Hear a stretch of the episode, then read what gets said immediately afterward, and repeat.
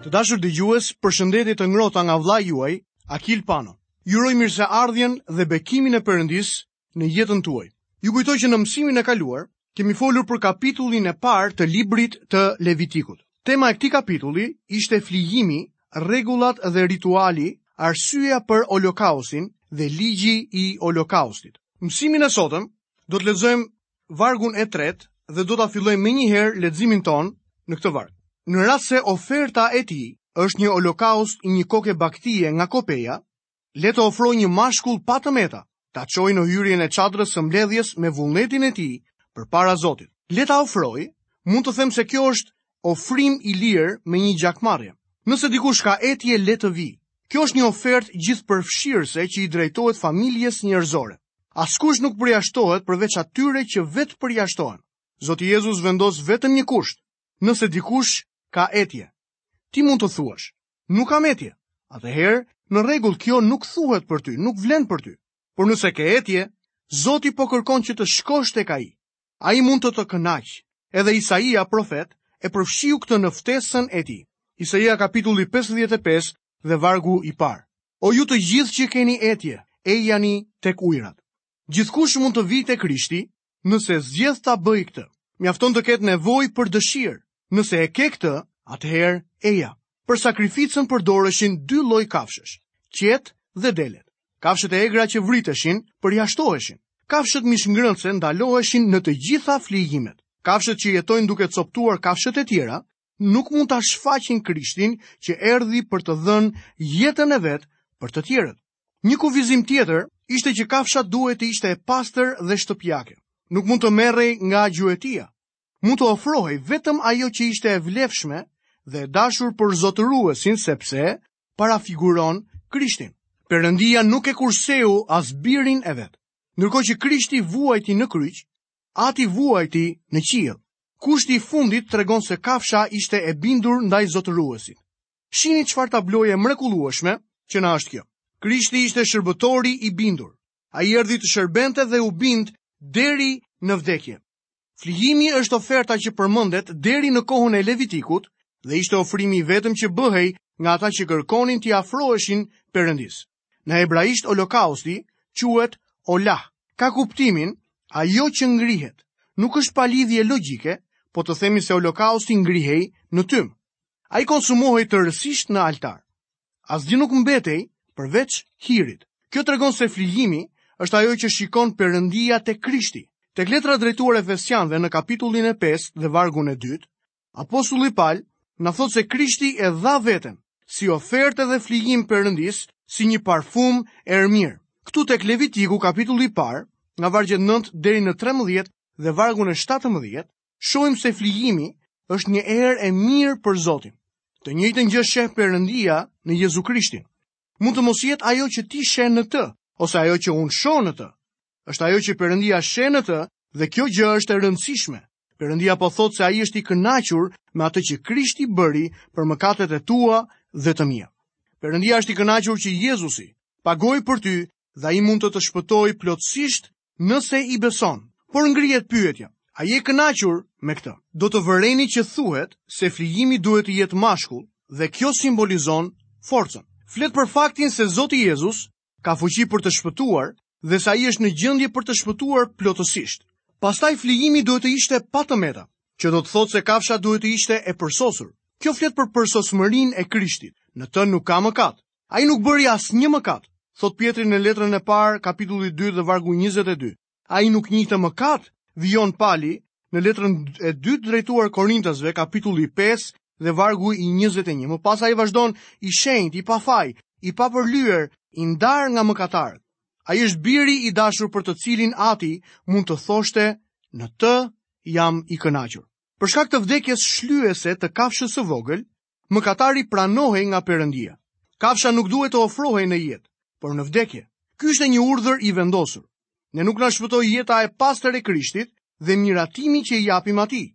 Vetëm vdekja e Jezu Krishtit mund ta shpëtojë mëkatarin. Tek ungjijtë shohim se kur vdiq Jezusi, veli i tempullit u nda më dysh. Vdekja e tij hapi rrugën për tek Perëndia. Vdekja e tij e shpëton mëkatarin. Siç e kuptoni, Veli përfaqëson mishin e tij. Jeta e tij e përsosur na mban larg Perëndisë. Ajo që kërkon Perëndia është një jetë e përsosur siç ishte jeta e Krishtit dhe ti dhe unë nuk mund ta bëjmë atë lloj jete. Jeta e Jezusit është standardi. Për sa i përket Jezusit, ati mund të thoshte: Ky është biri im i dashur, në të cilin jam i kënaqur. Ti dhe unë nuk mund ta arrijmë atë. Prandaj jeta e Krishtit nuk mund të na shpëtojë. Ajo na mban larg Perëndisë, ashtu siç veli në tempull e mbante njeriun larg Perëndisë. Duhet të kemi një mënyrë tjetër në të cilën mund të vijmë tek Perëndia. Dhe kjo e vetmja mënyrë është nëpërmjet vdekjes së Zotit Jezu Krisht në kryq. Vdekja e ndau velin.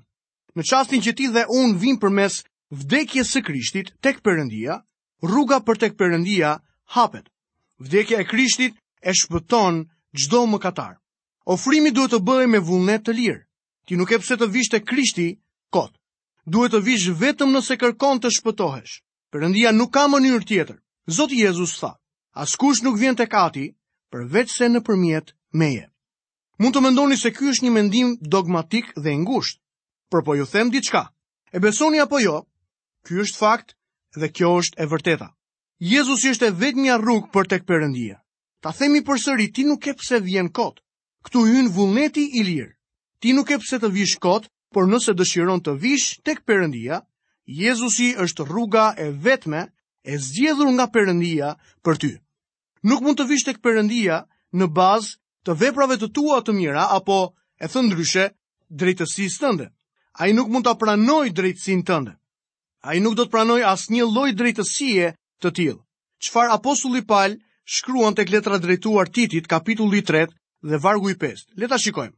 Ai na shpëtoi, jo me anë të veprave të drejta që ne bëmë, por sipas mëshirës së tij.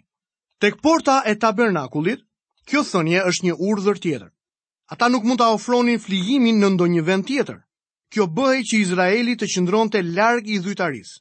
Ata ishin të prirur të binin në idhujtari, herë pas here bijtë e Izraelit, të binin vetë në idhujtari, dhe në fund arsyeja që ranë nën robërinë e Babilonisë, ishte pikërisht idhujtaria e tyre. Dhe meqë ra fjala, këtu ka një mesazh edhe për ne. Kjo na bën që të qëndrojmë larg nga të menduarit se mund të vijmë tek Perëndia me mënyrën tonë, me kushtet tona. Nuk i vendosim ne kushtet përmes të cilave vijmë tek Perëndia. Fatmirësisht miku im, Perëndia i cakton vetë kushtet. Çfarë thotë profeti Isaja në kapitullin e 64 dhe vargu i 6 në librin e tij? Le ta lexojmë. Jemi të gjithë si një gjë e papastër dhe të gjitha veprat tona të drejtësisë janë si një rrobë e ndotur. Perëndia nuk do ta pranojë drejtësinë tonë. Shumë njerëz mendojnë se drejtësia e Perëndisë është si një projeksion në një nivel më të lartë nga drejtësia e njeriut. Nuk është aspak kështu. Ajo është e shenjtë Drejtësia e Perëndisë është e vetmja drejtësi që mund të pranojë Perëndia, është drejtësia përmes besimit në Jezu Krishtin. Ti nuk mund të punosh për ta arritur atë. Nuk mund ta blesh. Perëndia nuk mund ta pranojë drejtësinë tonë të varfër. Ajo do të zhduket një ditë. Ofrimi duhet të bëhet tek porta e tabernakullit. Miqtë e mi, Nuk ka mënyrë tjetër për të ardhur tek Perëndia përveç se nëpërmjet mënyrës së tij. Zoti Jezus tha: Askush nuk mund të vijë tek Ati përveç se nëpërmjet meje. Tani lexojmë në kapitullin e parë të librit të Levitikut, vargun e 4. Do të vërë pastaj dorën e tij mbi kokën e holokaustit, që do të pranohet në vend të tij, për të shlyer dënimin në vend të tij. do ta vërë pastaj dorën mbi kokën e Holokaustit. Doktor Kellogg e quan këtë një veprim paracaktimi. Kjo zbulohet te Levitiku në kapitullin e 24 dhe vargun e 14, ku dëshmitarët duhet të shtrinin duart drejt blasfemuesit para se ai të goditej me gurë. Moisiu i shtriu duart mbi Jozueun duke e paracaktuar atë si pasuesin e tij. Më pas doktor Kellogg ka shkruar një libër shumë të mirë mbi librin e Levitikut. Ja një citim prej tij. Në këtë pasazh ai po flet për dorën që vendoset mbi kokën e kafshës dhe thotë: Kjo simbolizonte një kalim, sipas sigurimit të mëshirshëm të Perëndisë, të një detyrimi për të vuajtur për mëkatin nga ofruesi tek viktima e pafajshme. Prandaj viktima qëndronte në vendin e ofruesit. Me fjalë të tjera, Kur njeriu hynte dhe vendoste dorën mbi kokën e kafshës së vogël që do të therej, ai e përcaktonte këtë kafshë duke e paracaktuar që të zinte vendin e tij. Në këtë mënyrë, njeriu rrëfente se meritonte të vdiste. Miqtë e mi, kur e pranoni Krishtin si shpëtimtarin tuaj, a ke menduar se je mëkatar dhe se nuk mund ta shpëtosh veten? Kërkon t'u largohesh mëkateve, të kthehesh tek shpëtimtari dhe të jetosh për të. Kafsha e vogël po zëvendësonte ofruesin me vdekjen e saj. Këtë bëri dhe Krishti për ne. Kur pranon Krishtin, ti vendos dorën tënde mbi të. Me fjalë të tjera, e paracakton si shpëtimtarin tënd. Sot duket se njerëzit kanë një ide se në veprimin e vendosjes së duarve ka një lloj merite.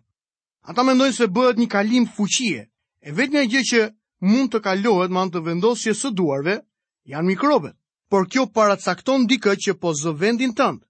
Kur ne si drejtues kishe vendosim duart mbi një misionar, ashtu siç bëri kisha në Antioki me Palin dhe Barnabën, e paracaktojmë atë të shkojë në vendin tonë dhe si përfaqësuesi ynë. Krishti zuri vendin tonë. Kjo është ajo që nënkuptohet kur thuhet. ai e bëri të jetë mëkat për ne, dhe i cili u dha për shkak të fyerjeve tona. Fjalët në hebraisht këtu nënkuptojnë ta vendosësh dorën në mënyrë që të rëndosh mbi tjetrin. Në psalmin e 88 dhe vargun e 7 gjejmë këtë thënie. Mbi mua ka shpërthyer zemërimi yt. Kjo pjesë e ceremonisë flet për shlyerjen dhe pranimin përmes vdekjes së viktimës. për të shlyer dënimin në vend të tij.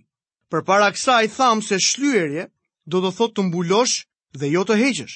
Shkruesi i letrës së hebrenjve kapitulli 10 dhe vargu i 4 na thotë, sepse është e pamundur që gjaku i demave dhe i cjepve të heqë mëkatet.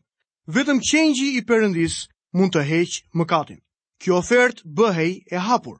Ai ecte drejt tabernakullit, kalonte anash altarit dhe atje therte kafshën e vogël.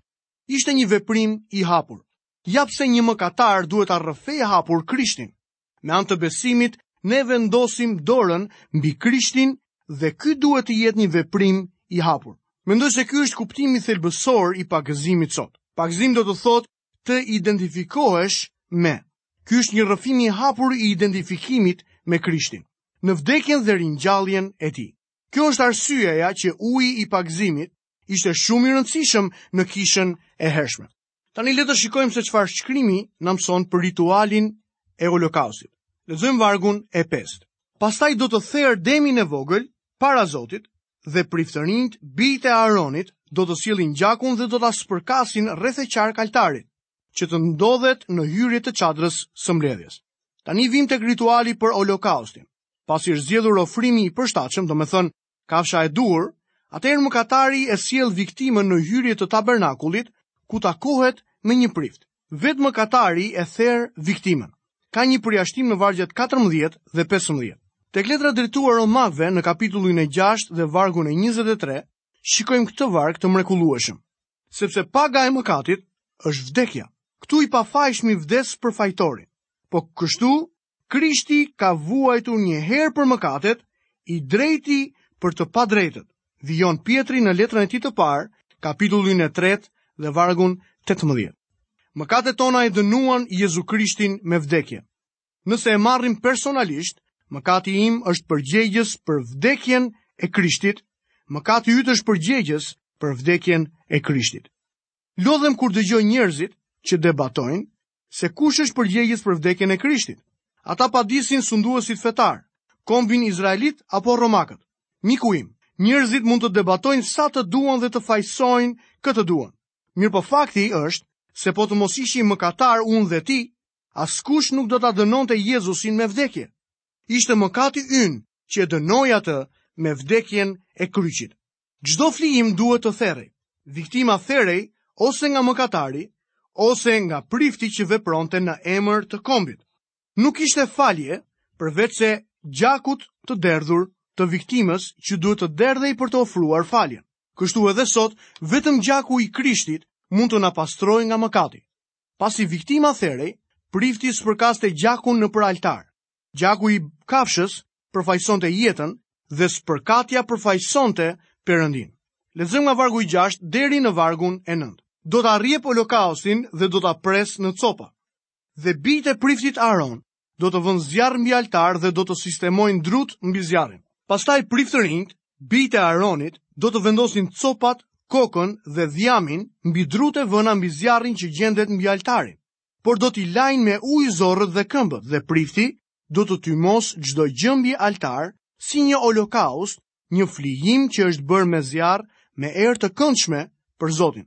Të gjitha gjërat duhet të bëheshin në mënyrë të rregullt. Perëndia nuk është autor i çrregullsisë. Holokausti do të pritej në copa që të ishte më e lehtë për t'u djegur në zjarr. Jeta e brendshme e Zotit Jezus është shqyrtuar për më shumë se 1900 vjet. Ai është analizuar më shumë se çdo person tjetër dhe ka më shumë mospërputhje mendimesh për të sesa për ndonjë njeri tjetër. Kjo ishte e vërtetë për kohën kur ai jetoi dhe është akoma e vërtetë edhe sot. Ai ende pyet, kush thonë njerëzit se jam unë? Ka shumë lloj mendimesh sot dhe disa prej tyre janë blasfemi. E megjithatë, është e vërtetë se ai është i shenjtë, i pafaj, i papërlyer, i ndarë nga mëkatarët. Jezu Krishti, i cili gjithë këta vjet ka qenë nën analizimin e njerëzve, është ende ai që tregon dashuri. Lexojmë vargun e 10 deri në vargun e 13. Në qoftë se oferta e tij është një holokaust nga kopeja, dele ose dhi, të ofrojë një mashkull pa të meta. do ta therë nga krahu verior i altarit përpara Zotit, dhe priftërinjtë bijtë e Aaronit do të spërkasin gjakun e tij rreth e qark altarit. Pastaj do ta presë në copa bashkë me kokën dhe dhjamin e tij, dhe prifti do t'i vërë mbi drutë që ndodhen mbi zjarrin që është mbi altar, por do t'i lajë zorrët dhe këmbët me ujë, dhe prifti do të paraqesë çdo gjë dhe do ta tymosë mbi altar. Ky është një holokaust, një flijim i bërë me zjarr, me erë të këndshme për Zotin. Vëreni përsëri se oferta copëtohet përpara Zotit. Në altar duhej të përdorej zjarri.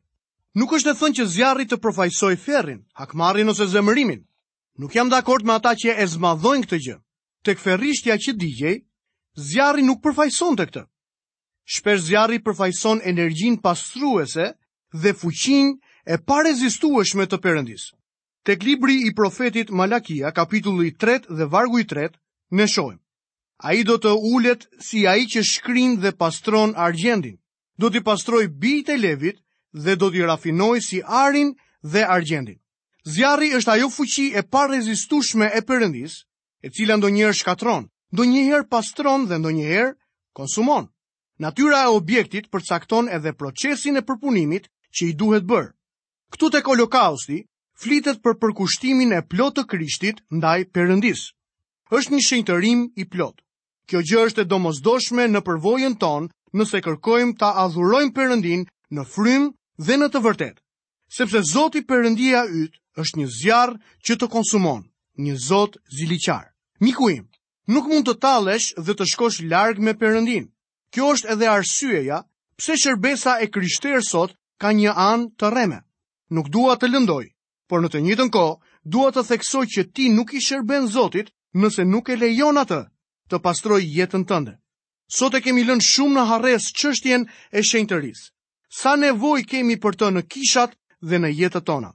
Lexojmë nga vargjet 14 deri 16.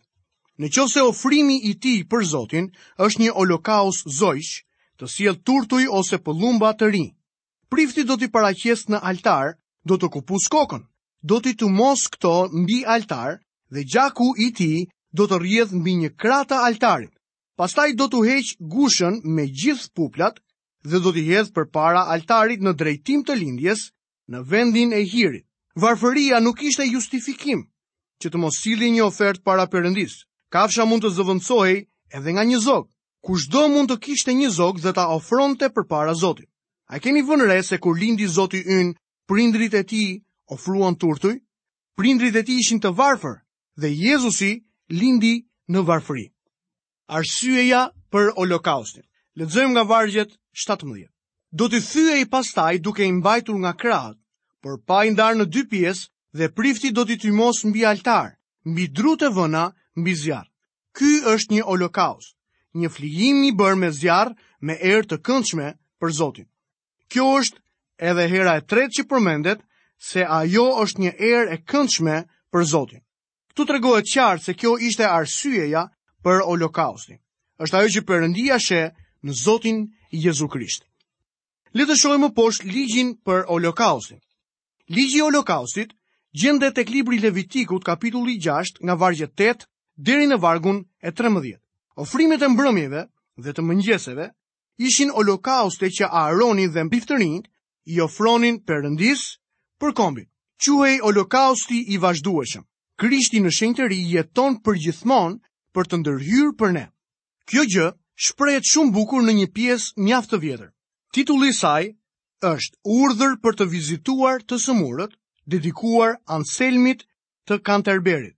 Pastori do t'i thotë të sëmurit, a beson se nuk mund të shpëtohesh veçse nëpërmjet vdekjes së Krishtit? I sëmuri përgjigjet, po.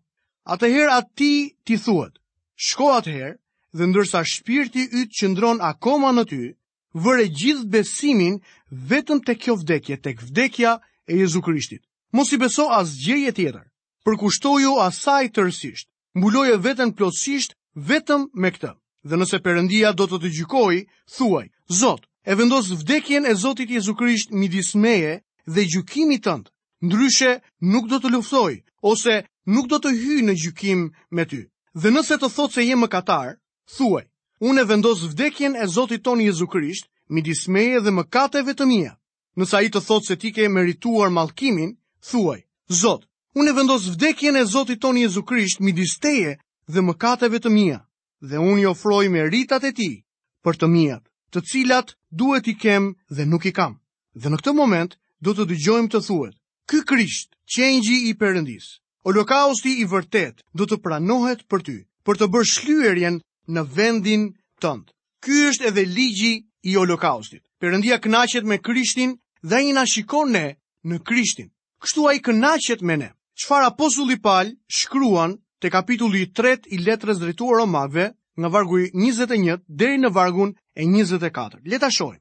Por tani pavarësisht nga ligji, është manifestuar drejtësia e Perëndisë për të cilën dëshmojnë ligji dhe profetët. Madje, drejtësia e Perëndisë nëpërmjet besimit në Jezu Krishtin për të gjithë e mbi të gjithë ata që besojnë, sepse nuk ka dallim, sepse të gjithë mëkatuan dhe u privuan nga lavdia e Perëndisë, por janë shfajësuar falas me anë të hirit të tij nëpërmjet shpengimit që është në Krishtin Jezus. Miku im i dashur, a është sakrifica e Krishtit midis teje dhe mëkateve të tua? A është derdhur gjaku i tij që ti të mund të jetosh? A i ke besuar Jezusit sot? Perëndia e shikon Krishtin si të vetmin që mund ta kënaqë atë për mëkatet e tua. A e ke parë edhe ti çështjen tënde në këtë mënyrë? A ke sjellë veten tënde të vogël dhe mirësinë tënde të paktë për t'ia ofruar Perëndisë? Perëndia nuk do ta marrë atë. Ai pranon vetëm atë që Krishti ka bërë për ty, dhe ai, Perëndia, e llogarit drejtësinë e Krishtit si drejtësinë tënde. Besoji atij sot dhe jeto një jetë me kuptim. Të dashur miq, këtu kemi përfunduar dhe emisionin e sotëm. Jam mirënjohës Perëndisë që keni qëndruar së bashku me mua përgjatë gjithë këtyre minutave duke studiuar fjalën e Perëndisë së gjallë. Ju kujtoj që të qëndrojmë së bashku në emisionin e ardhshëm, deri atëherë nga vëllai juaj Akil Pano, keni të gjitha bekimet e Perëndisë dhe paqen e Zotit Jezu Krisht në jetën tuaj.